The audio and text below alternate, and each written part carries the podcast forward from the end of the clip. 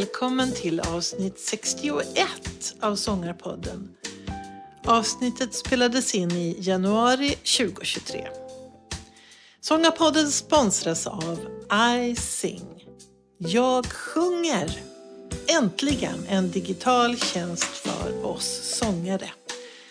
iSing är till för dig som vill ha uppsjungningar och sångövningar i telefonen eller datorn för att stärka din röst och få till din bästa röst. Tänk att det finns. Det är galet bra. Gå till www.ising.se och starta direkt. Hon är klarinettist, prisad jazzmusiker, kompositör och på senare tid också sångare. Vi pratar scenkonst, musikkollo, stipendiejuryer, ungdomssatsningar. Ja, där hon trivs bäst. Vi väntar på Lisa Groterus.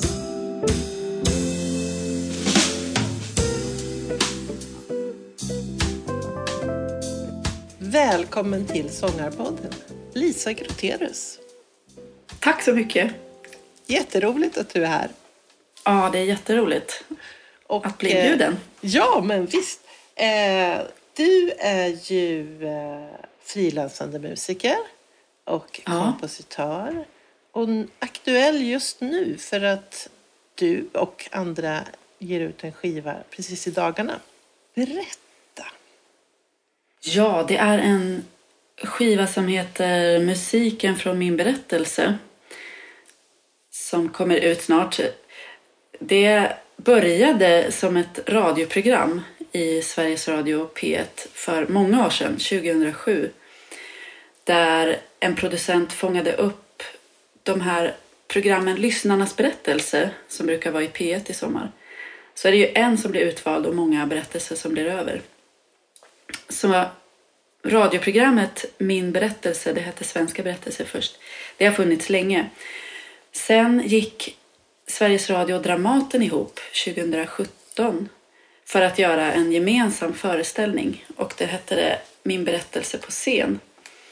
Där olika berättare blev inbjudna för att berätta sin historia, men live då. Och en poet till varje föreställning. Och jag blev då tillfrågad att vara kompositör för den här hela serien. Wow. Ja, jättefint och stort. Mm. Så att jag var huskompositör och husmusiker under fem år. Och det var ju inte, det var tre föreställningar först och så förlängdes det och så förlängdes det igen och det blev mer och mer. Så vi gjorde, eh, jag har gjort 14 föreställningar, unika föreställningar under fem år. Där jag skrivit musik till eh, 14 olika personers berättelser, livsberättelser. Oj. Och det Men alltså varje sån föreställning, hur, alltså, det låter ju som ett jätteprojekt. Alltså hur lång, hur lång var den? Ja, en, en föreställning var en timme ungefär. Ja. Um, Så det är 14 ja. timmars, eller musik till 14 timmars föreställning som du gjorde? Ja, fast det... Min uppgift var att göra en musikalisk inramning Ja. till berättelsen. Ja. Så, så berättelsen har alltid varit i fokus. Och sen har det varit en poet som har bjudits in som knyter an med sin poesi som också berör lite samma ämne. Så jag har arbetat mycket med liksom ett huvudtema som jag sen har plockat ifrån. Ehm, så på det viset har det varit ett, ett spännande, alltså på ett sätt ett tacksamt uppdrag. För att det har varit, jag har kunnat skriva fragment, jag har kunnat skriva to, bara en enkel melodi eller eh, en, ja, ett ljudlandskap. Jag har jobbat med väldigt mycket olika mm, beståndsdelar, liksom olika instrument och så här. Men, men det har ju ändå blivit, eh, vartefter så har det ju ändå blivit mycket musik. Och det är som ofta så där i frilansmusikervärlden tycker jag att mm, jag duttar lite här och duttar lite där och gör liksom, man gör, spelar någon konsert på Glenn Miller och repar och så är det det. Och sen är det slut. Och så går man vidare och så kan det, man bli lite sådär, vad, vad håller jag på med egentligen? Det är så här, mycket överallt. Och i, ja, men för den, den sista föreställningen som jag gjorde då, nu är det paus, vi får se om det tas upp igen, men då kände jag så tydligt, för då skrev jag en låt som, som blev verkligen en låt, inte bara liksom fragment eller som någon bakgrundsmusik. Också med text. Och då kände jag väldigt tydligt att det här vill jag ju spela in ehm, och samla och började gå igenom, började titta tillbaka lite vad jag hade gjort för musik till de här olika föreställningarna och fick en väldigt stark känsla av att det, det här vill, vill jag dokumentera, gå igenom. Så att jag gjorde ett urval av musiken från alla de här föreställningarna och har då valt och valt bort, valt bort väldigt mycket. Ja, det är klart. Men, ja, men valt det som jag tycker kunde stå för sig själv också. Mm. Och, eh, och så har jag arrangerat det och bearbetat och arrangerat det för fler musiker och spelat in. För under alla de här, under de här åren så har jag varit ensam mm. musiker och mm. spelat och gjort allt liksom. Jag förstår. Så att den här skivan har vuxit fram. Det har blivit som ett, en dokumentation av den här musiken som jag skrivit. Men det har också blivit, och det tycker jag känns bra och viktigt, att det har blivit ett eget verk. Mm. Som också står för sig själv. Det är som, ja. De texter som då eh, är en del av musik, låtarna, det är de här poeternas texter som var till varje föreställning, eller? Ja, på, på skivan just så är det mest instrumental musik. Mm. Så um, berättelsen och poesin, den finns ju för sig, eller vad man ska säga. Mm. Så det som jag har gjort är eh, att jag har spelat in själva musiken. Mm. Det som så ingen av, ingen av berättelserna, de orden finns inte på skivan. Men de finns i min, i min beskrivning då av vad, vad musiken handlar om. Men sen är det på skivan, det är två stycken spår som har text. Och det ena är en text som jag skrev. Den heter Vaggsång för Agnes och det är Nino Ramsby som sjunger den. Mm. För han var med på just den föreställningen. Som poet var han inbjuden. Men jag känner ju honom också som fantastisk musiker. Så att jag kuppade in honom och frågade om han ville vara med som musiker i slutet. Och det hade han också tänkt föreslå att han skulle få vara. så det passade bra. Så då fick han sjunga den. Så det är en, en vaggsång för Agnes som då en, en flicka som föddes med en, en hjärnskada och andningsstopp. Och eh, en väldigt, väldigt stark berättelse som Anna Pella, hennes mamma, berättar. Och jag skrev då den här vaggsången för henne som vi spelade i slutet. Så den finns med och har text. Och sen finns det en text till, men den har Lilian Bäckman skrivit som är en konstnär och den hör in, egentligen inte till den här min berättelseserien utan den texten kom, kom till i, efteråt och som jag har pusslat ihop med musiken som jag skrev till en föreställning där. Mm. För att den knyter an och passar bra tycker jag. Eh, nu har ju du hållit på med de här och valt ut och så, här, så att när du komponerade musiken för ett tag sedan. Men lite grann hur du tänker när du komponerar. Normalt sett så kanske man skriver en låt för att man själv eh, har en upplevelse. Men här är det andras berättelser. Hur, hur mm. funkar det tycker du? Det har varit en av de finaste och roligaste aspekterna i det här tycker jag. För att det har, det har gett mig en direkt skjuts in i skapandet. Mm. Jag har börjat nästan varje gång med att lyssna på berättelsen för mm. att nästan alla de här berättelserna har ju föregåtts av ett, ett radioprogram. Att det har spelats in och sänts mm. som radioprogram i Sveriges Radio.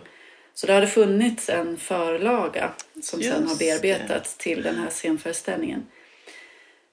Så då har jag börjat med att eh, oftast gått ut och gått på en lång promenad och så har jag lyssnat på den här berättelsen. Och det är ju samtliga är otroligt starka Mm. berättelser. Det handlar om livets eh, stora ögonblick. Det är stor smärta, sorg, det är flykt, det är nära anhöriga som blir sjuka eller försvinner. Det är eh, livet som ställs på sin spets och som inte blir som man har tänkt sig.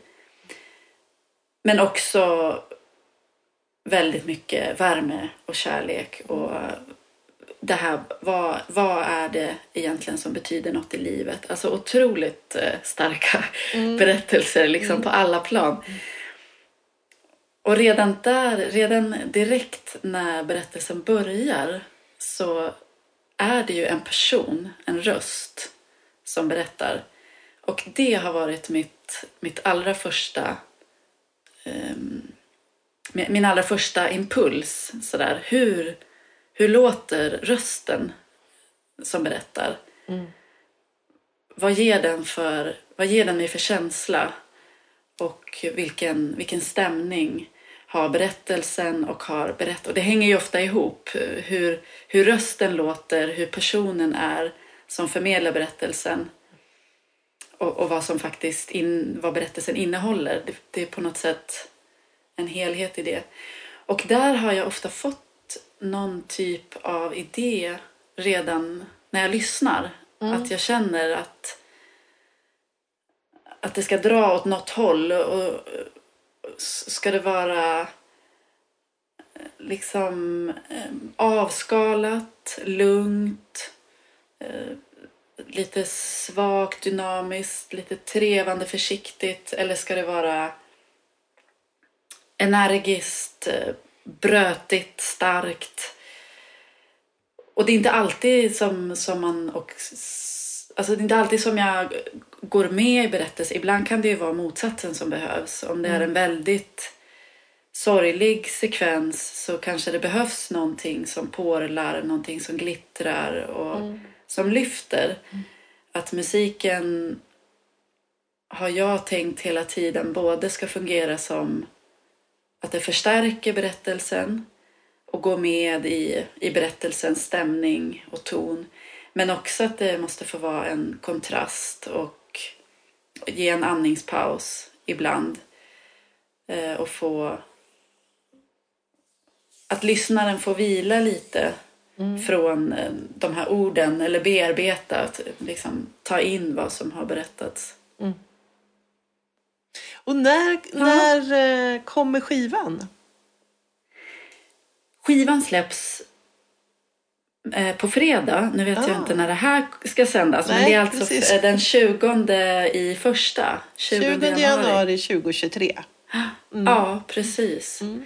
Då släpps eh, skivan på Pacaya Records. Mm. Och det är en, en CD och en vinyl, sån här 10 tum. Ja. En gullig.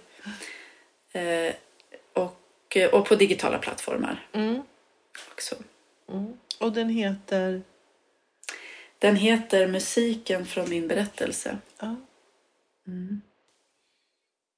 Du är ju eh, som sagt eh, kompositör som jag pratat om här nu och musiker och prisad jazzmusiker. Ja, jag fick Skaps jazzpris Mm. 2019 var det. Ehm, det var jättefint Ja, såklart. Jag trodde att mejlet hade kommit fel. Jag tycker det of, ofta sådär när jag får förfrågan om någonting och så, så behöver jag dubbelkolla flera gånger om, Just det, det. om det stämmer. det, ja, det finns ju så otroligt många fina musiker i, i vårt land. Så att, att få pris av Skap som Årets jazz, det var, ja det är nog det, det största, fina, finaste pris som jag har fått i alla fall hittills. Men det var efter, eh, jag släppte min skiva, min debutskiva 2018, precis året innan. med eh, musik som jag har skrivit. Då. Och mestadels instrumental musik där jag spelar klarinett och basklarinett. Men också två låtar med text och sång Mm. där jag sjunger. Och det var så det egentligen började med min röst, att jag sjöng när jag var liten. Och så är det kanske för de allra flesta, för, för barn, att rösten finns ju där om man sjunger. Och jag sjöng i kör i sex år, från jag var sex år gammal och eh, många år framåt. Så, så rösten och sången och framförallt eh, stämsång och att sjunga tillsammans har liksom funnits med alltid. Men däremot att sjunga solo och sjunga själv på scen, det kom lite senare.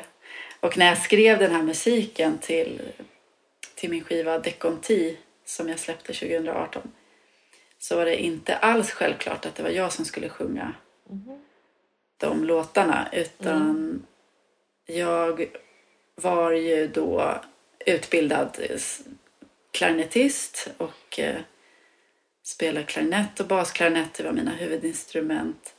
Och en, men lite en känsla av vem får man? Alltså får jag sjunga när, när det finns så många fantastiska sångerskor eh, som har övat på det och kan det så otroligt bra. Men jag ville ju det också. Det satt långt inne. Men Som tur var så var jag tillsammans med en person då som kunde se igenom mig och sa så här. För jag hade gjort en lista på olika gästartister, sång, sångerskor och sångare som jag skulle bjuda in som skulle sjunga de här låtarna. Men då fick jag, blev jag lite ställd mot väggen så här. Men du vill ju själv. Jag ser, jag vet att du vill egentligen själv.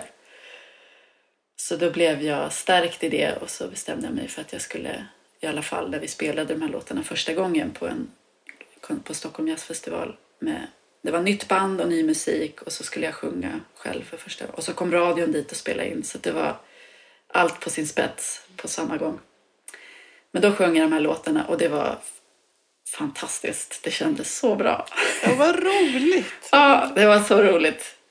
Det är ju fantastiskt att sjunga. Det är ju någonting särskilt. Jag älskar mina klarinetter. De är ju på ett sätt som en röst också med blåsinstrument. Det är väldigt fysiskt att spela blåsinstrument och det också ligger nära rösten mycket med ljud, andning och Mm, blås, blåsljud och ja, men en varm, rund, träig ton så här. Eh, Klarinett och sång tycker jag tillsammans, det är svårt för mig att åstadkomma, men klarinett och sång tillsammans är ju ljuvligt. Ja. Men, men just att sjunga, eh, att bara, det finns ingenting mellan mig och världen, publiken, lyssnarna. In, ingenting som filtrerar tonerna eller musiken utan rösten direkt. Det är ju otroligt nervöst ofta tycker jag. Och spännande och underbart. Vad, vad bra att du kom över det där. Den där tvekan och gjorde Ja. det. Mm. ja, ibland, eh, ibland är det bra att kasta sig ut. Mm. Ja, verkligen. Ja. Så sen har det blivit mer, sen har jag skrivit mer musik för sång och sjungit, sjunger oftast när jag, när jag står på scen eh, sjunger jag ofta, ofta någonting. Och, och spelar också, men att jag kan växla Mm. mellan det. Och i just det här projektet, eh, musiken från min berättelse, har det varit roligt för att jag har använt rösten mycket som ett instrument Mm. också. Och jag är... Jag har sysslat både med folkmusik och jazz, improvisationsmusik. Och båda de genrerna så är, kommer det väldigt naturligt ofta för många att, att man använder rösten som instrument också. Så det har känts naturligt och, och fint. Och i, i den här musiken, just när musiken skulle vara en musikalisk inramning så till, till de här berättelserna så har jag också eh, behövt att, att inte använda ord, så att säga, för att det redan har varit så mycket ord i berättelserna som att jag inte vill konkurrera med den berättelsen som finns. Just det. Men då har, har rösten fått vara med liksom som, ett, som ett instrument. Och eh, på den här skivan också då så att jag sjunger ordlöst. Och, och, och det, ja, men det, tycker jag, det tycker jag om. Och jag tycker om att lyssna på det också när andra sjunger. Mm. In, improviserar eller, eller sjunger utan att, att rösten får vara ett instrument också. Just det. Jag hade ju, har ju en liten rolig historia som jag faktiskt har berättat förut i podden. Men det var när jag började ta sånglektioner. Så första lektionen då fick jag en sån här, eh, kommentar som var Ja, du sjunger ju väldigt bra och du är ju musikalisk. Du sjunger bra eh, ifall du hade varit en klarinett, sa hon just. Är det sant? För jag, för jag hade inte så... Jag var väldigt dålig på att förmedla text. Utan jag joddlade liksom på och sjöng och var liksom som om ett instrument. Och sen fick jag ja, jobba för att, du vet, göra det där andra som är också viktigt för sångare, att förmedla text. Vilket var väldigt kul att hålla på med, men i alla fall det var ju en ganska rolig kommentar. Ja, verkligen. Klarinett just. Ja, Alltså, jag tyckte att jag klarinettade runt vad Ja. hon menade med det. Nej, men jag förstår vad hon menar. Så. ja. Och apropå sångpedagog då. Du som är instrumentalist också så är ju van att eh, liksom träna det. Ehm, hur tänker du, om du jämför hur du jobbar med sång och klarinett. Tränar du rösten? Eller tänker du sen när min röst ska få vara som den är och när jag sjunger så, sångerna? Eller tänker du så här, nej men nu ska jag öka omfånget? Eller Ja, precis så tänker jag att jag vill eh, att jag vill träna rösten mer. Men jag får erkänna att jag inte är där riktigt. Det har ju varit mycket fokus på mina instrument och, och där kommer det så naturligt. Just och jag det. vet hur jag ska arbeta Mm. med mina instrument för, för att värma upp eller för att hålla igång ambis och teknik. Och jag har mina övningar. Och med rösten så har jag ju inte... Jag är ju inte skolad på det Nej. viset. Så det, det är liksom en process som jag är i, verkligen. Men jag, tänker att du inte alls är ensam om det. Jag tror det är jättevanligt. När man går utbildning inom eh, instrument eller sång så får man ju en rutin. Man lär sig hur man ska underhålla sitt instrument eh, eller sin röst. Men eh, har man inte gjort det så blir det ju lätt. Och just det här att rösten funkar ju på något vis ändå. Det blir ju sång. Så det är lätt att tänka att man inte behöver göra det jobbet. Liksom. Det går ju ändå. Mm. Men det var bara intressant att fråga eftersom du ju är instrumentalist och kommer från den bakgrunden att liksom, öva och... Eh, Ja. Ja, för mig är det just nu att jag skulle vilja utveckla just den sångtekniska delen. Mm. Att öka omfång och också ja, men ton och eh, klang och täthet. Det är ju väldigt eh, olika sätt att, att andas på. Alltså man kan tänka att, att man skulle ha en fördel som Ja. blåsare för att man har jobbar mycket med andning och eh, blåser hela Just tiden. det, det trodde jag. And, andas mycket. Ja. Men, men det är faktiskt helt olika sätt att andas tyvärr. För eh, med blåsinstrumentet så blir det, och särskilt klarinett för den är ganska smal, alltså det behövs mycket luft Mm. och eh, man måste trycka på ganska mycket Mm. för att få ton. Och instrumentet och rörbladet bromsar ju luften Mm. och så bildas eh, tonen. Eh, nu, det här är jag inte liksom teoretiskt inläst på så nu använder jag mina Ja, egna men, ord. ja, Men, eh, men när jag sjunger så finns ju ingenting i vägen. Det just finns det. inget som bromsar. Så om jag skulle använda stödet och använda min luftkapacitet på samma sätt som när jag spelar då och sen är luften slut. Alltså då blåser jag ut. Då hinner jag Ah. sjunga två, två toner. Förstår du? Så, så det blir helt olika. sätt. Då måste jag hitta, och det, det håller jag på och försöker jobba med nu. Mm. Och det var en sångpedagog, jag tog en lektion förra året. eh, Så det är liksom en, en plan som jag har att jag vill jobba mer med det här eh, med någon som kan eh, visa mig vägen lite grann. Men att jobba med att, att bromsa luften behöver jag göra då. För att luften ska räcka länge när jag sjunger.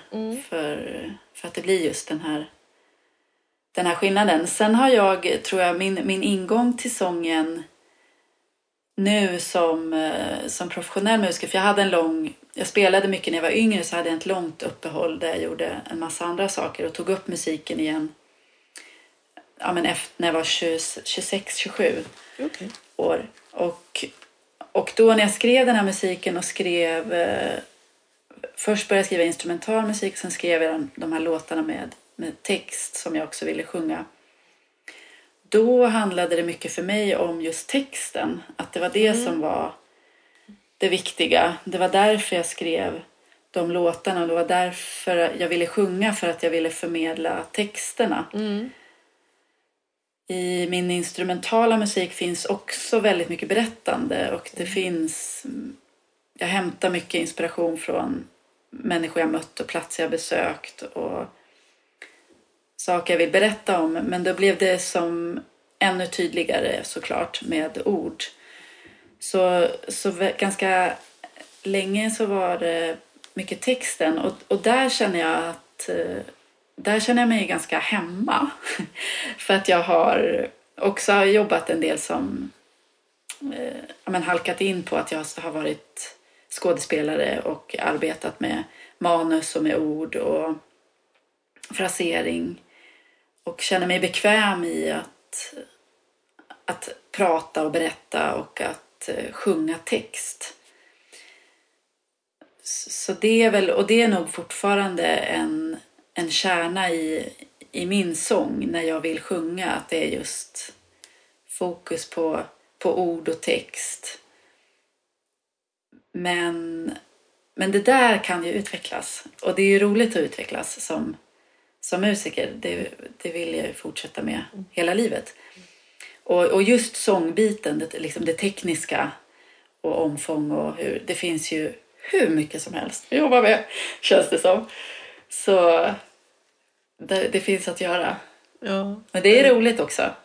ja, det är underbart att känna att det finns nya saker att lära sig och så just ut, att utveckla sig. Det är ju underbart. Nu sitter du själv i en stipendiejury har jag läst och eh, tittar och bedömer andras eh, musicerande. Hur känns det? Visst är det STIM eh, stipendiejury? Ja, precis. Jag sitter i STIMs stipendiekommitté Mm. och faktiskt så ska jag nu i helgen sitta i en annan jury i musiktävlingen Imagine, den här som är för ungdomar i, i Uppsala. Och det gjorde jag förra året också. Men STIM stipendiekommitté sitter jag, har jag, man väljs in på ett mandat på tre år så jag är skapsrepresentant, eller en av skapsrepresentanter. Så jag är invald på tre år och det är jättebra att det bara är tre år. Det är kanske till och med för mycket med tre år, jag vet inte. För det är ett eh, jättesvårt uppdrag Mm. och stort. Och går det ens att bedöma musik? Och det är... eh, väldigt... Ja, men det är med, med allra största ödmjukhet som man får sitta och lyssna och göra bedömningar.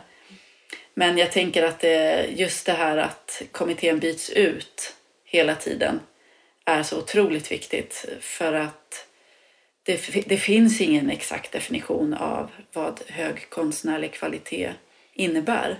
Mm. Och jag tror inte att vi kan befästa en sån definition heller. För i, i samma stund som vi bestämmer en definition då har vi också låst in oss i... Mm. Då, då utestänger man ju vissa element Mm. och vissa saker, olika faktorer. Så det är klart att det finns ett, ett mått, även om, om vi som sitter där och lyssnar försöker vara så objektiva vi kan utifrån en massa olika parametrar som ändå finns, som ändå går att bedöma, Just det. så, så är det såklart att det ändå blir subjektivt. Och att, att vi uppfattar och bedömer konstnärlig kvalitet på olika sätt. Mm.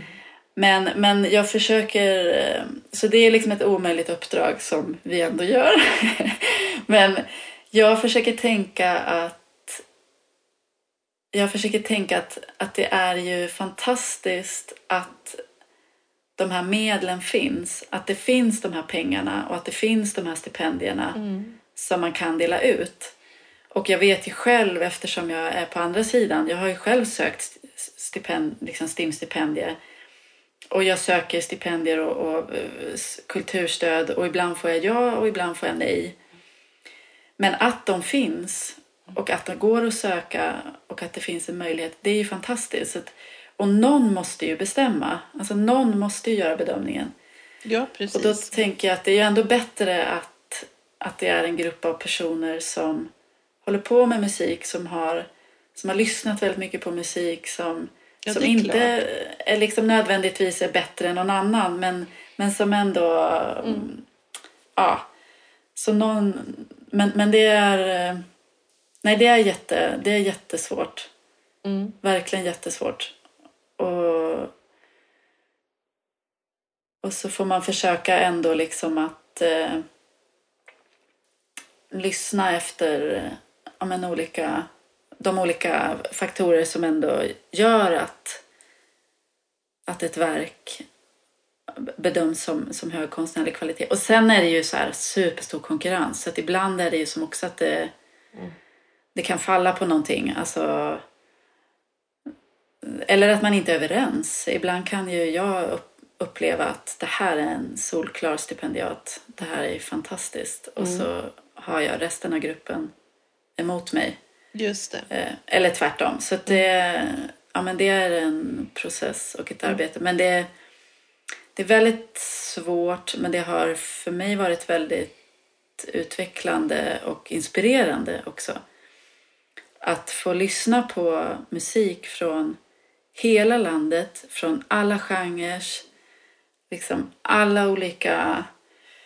Det är så mycket, liksom, så mycket berättande, så mycket idéer, så mycket skapande, så mycket motivation och vilja och visioner. Alltså det är fantastiskt. Det är som efter den här perioden, jag ville bara stänga in mig liksom och skriva musik själv eller bara lyssna. Ja, det, Ja, är, kul! det är en otrolig ynnest att få Mm.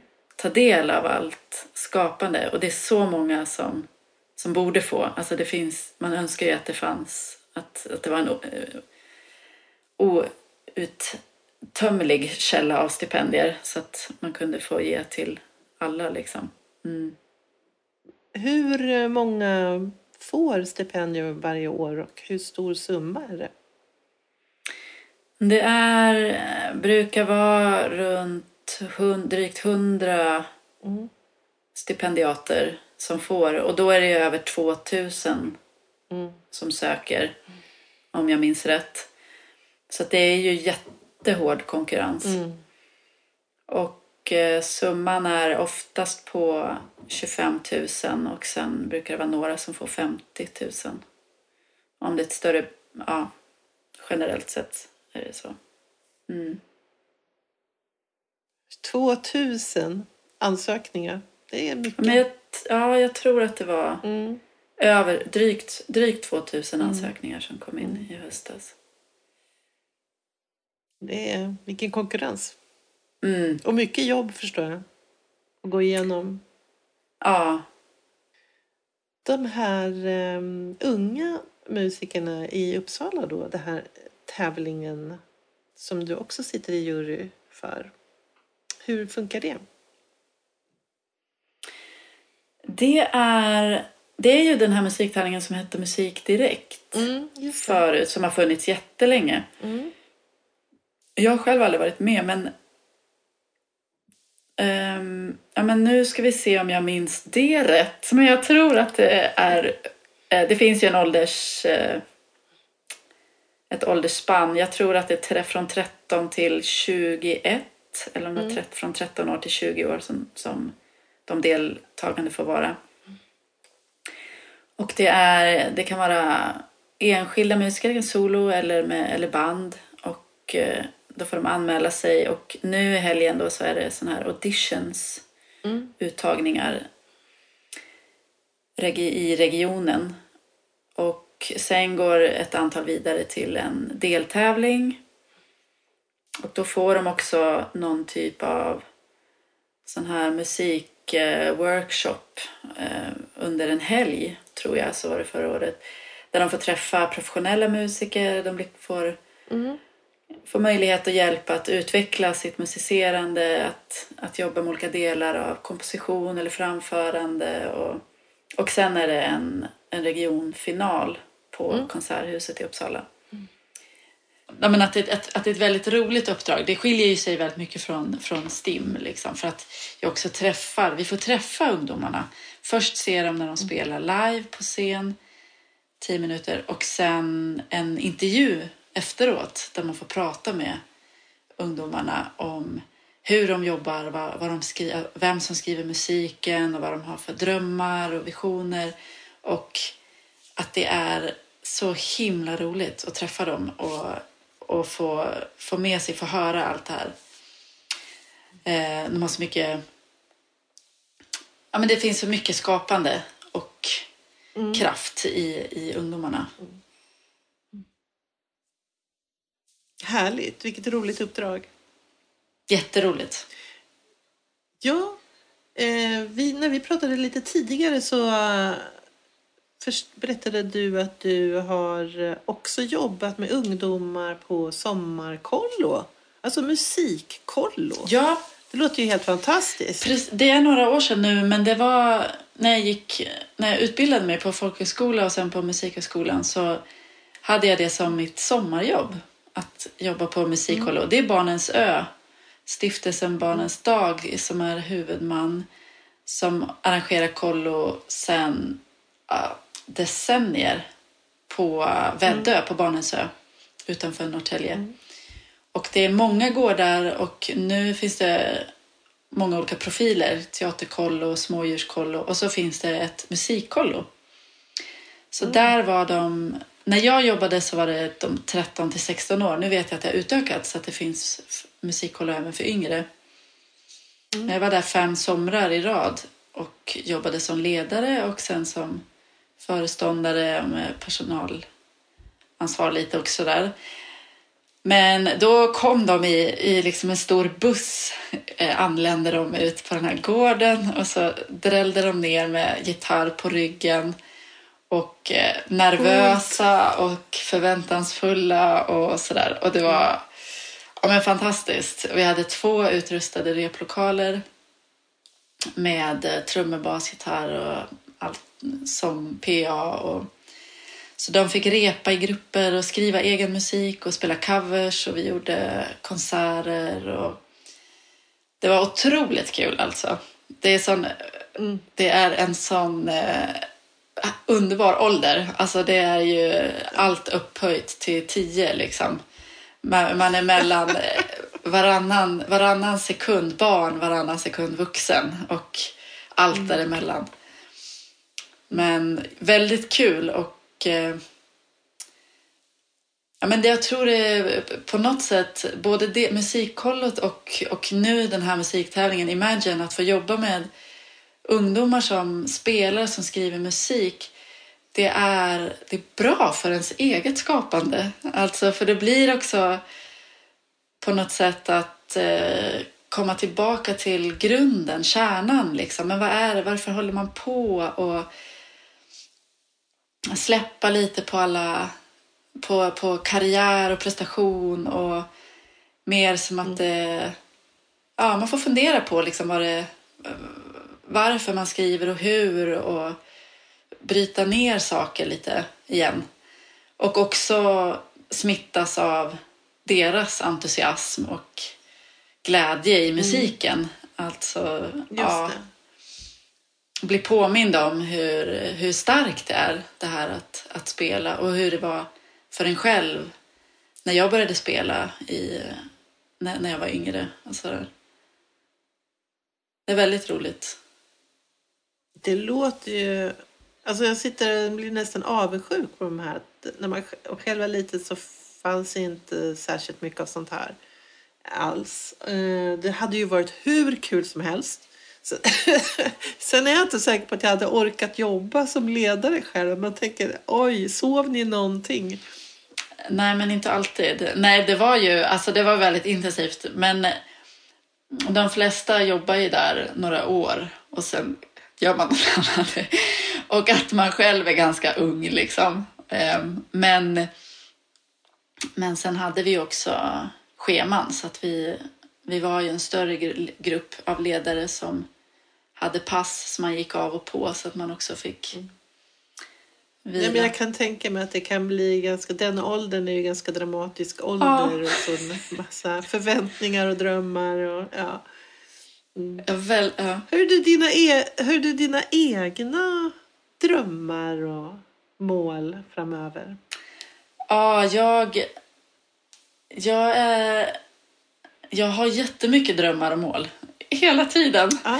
Jag är sådär oh. att jag sällan får tiden att räcka till, tycker jag. Jag har nog alltid varit. Jag har inte svårt att, att fylla mina dagar. Utan jag vill så mycket så jag måste mer, jag måste mer hejda mig. Och eh, bestämma mig för liksom någons, alltså hitta fokus. Och just nu så ser jag väldigt förstås väldigt mycket fram emot att släppa den här skivan och, eh, mm. och spela med det. Men, men det är också som att det största jobbet med det har ju gjorts. Alltså den processen är klar för mig egentligen. Mm. Alltså nu ska den ju ut och folk ska lyssna. Men för min del så är den ju klar. Eh, så, mm. så jag blickar framåt och är väldigt sugen på, på, på nästa. Och det som jag vill göra nu är att skriva ny musik, mer musik. Och eh, mm. jag har en del texter i en liten mapp på min dator som jag har fått från Lilian Bäckman som är en, en mm. otroligt speciell och fin person och konstnär som jag träffade på ett residens där vi har suttit tillsammans med en massa andra frilansande kulturskapare. Vi möttes där och jag mötte hennes texter och har då tonsatt en av hennes texter tidigare. Men sen har hon liksom stuckit åt mig ett papper lite då och då med så här, mm. flera ord och flera texter och sådär.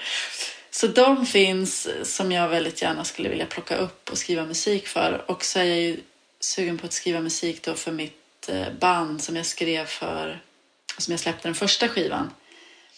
Med bland mm. annat Lisa Långbacka på dragspel Eh, och, och jag har lite, och det här är en ny, en ny tank, lite grann en ny tanke hos mig som jag inte har sagt högt så mycket men jag har kommit underfund med det senaste året att jag att jag drar ganska mycket mot eh, folkmusik och visor och, eh, och det är som en, en, en upptäckt alltså som börjar liksom, som håller på att processas lite hos mig tror jag. Och som kanske kommer landa lite här framöver. Att det, jag har varit genrebred alltid egentligen och sen jag var liten sysslat med mycket, många olika slags musik och på olika vis. Men sen har, har jag ju befunnit mig mer i jazz och improvisationsmusik de senaste åren. Och lite så här att det är kan jag tycka ibland att man tvingas in i olika fack som musiker för att, Mm. för att man ska man behöver liksom beskriva sin musik när man ska spela på en konsert. Man behöver hitta rätt scener och bara det liksom att, att, att få bli en del av ett, ett program eller ett, en festival eller en scen. Då ska man passa in på den scenen. Då behöver man beskriva sin musik och så behöver det vara liksom genrespecifikt. Och det där har alltid varit lite svårt tycker jag för att jag befinner mig på många olika platser genremässigt och gärna spelar mycket med olika personer från olika genrer och har känt nu att jag, men jag, drar liksom, jag dras mot folkmusik samtidigt som jag ju har en, ett, ett ehm, kanske mer jazzigt tonspråk till viss del och min egen ton på klarinetten och så här. Så det är väl lite utforskande idé också. Och jag fick Eh, konstnärsnämndens arbetsstipendium förra året så att jag har tid och möjlighet att, eh, att, menar, att arbeta lite på, eh, på egen hand nu under våren. Och det känns superlyxigt och att jag verkligen också ska försöka göra det. det är svår. Det är väl det som är det svåra. Att så här, eh, ta sig tid. Jag tycker det är ofta eh, lättare. Det kommer mycket annat först. Mm. Liksom. Det är lättare att eh, sätta sig med allt administrativt eller att repa eller öva inför någon annans projekt eller någon annan konsert som jag ska vara med på och så kommer mitt eget skapande Mm. sist.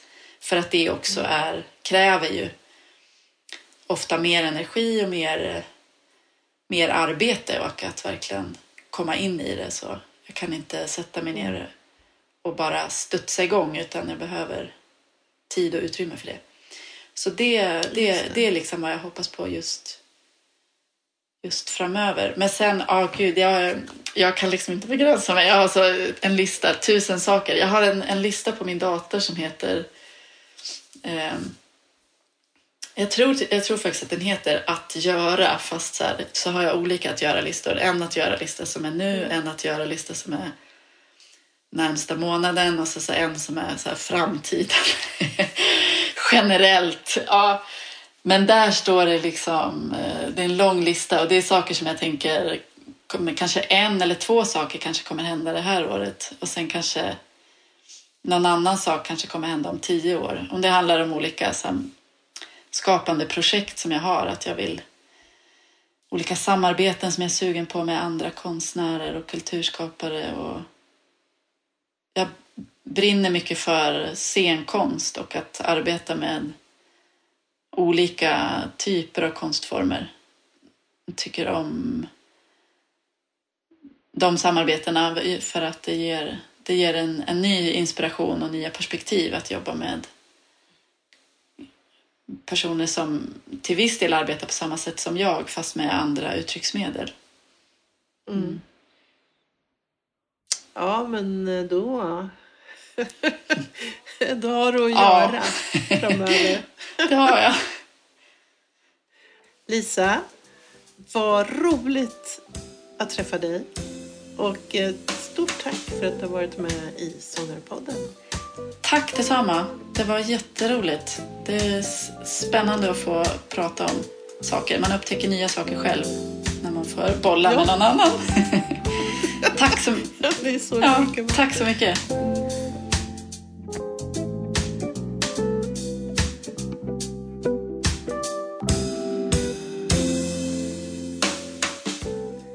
Du har lyssnat på Sångarpodden. Och vill du ha mer information eller få länkar till artister med mera så gå då till vår egen webbplats www.sangarpodden.se. Vi hörs! Du som är sångare och tycker att det är svårt att hålla igång din sångröst. Kolla in Icing, din sångtränare på nätet. Gå in på www.icing.se ising.se så får du veta mera. Vi hörs!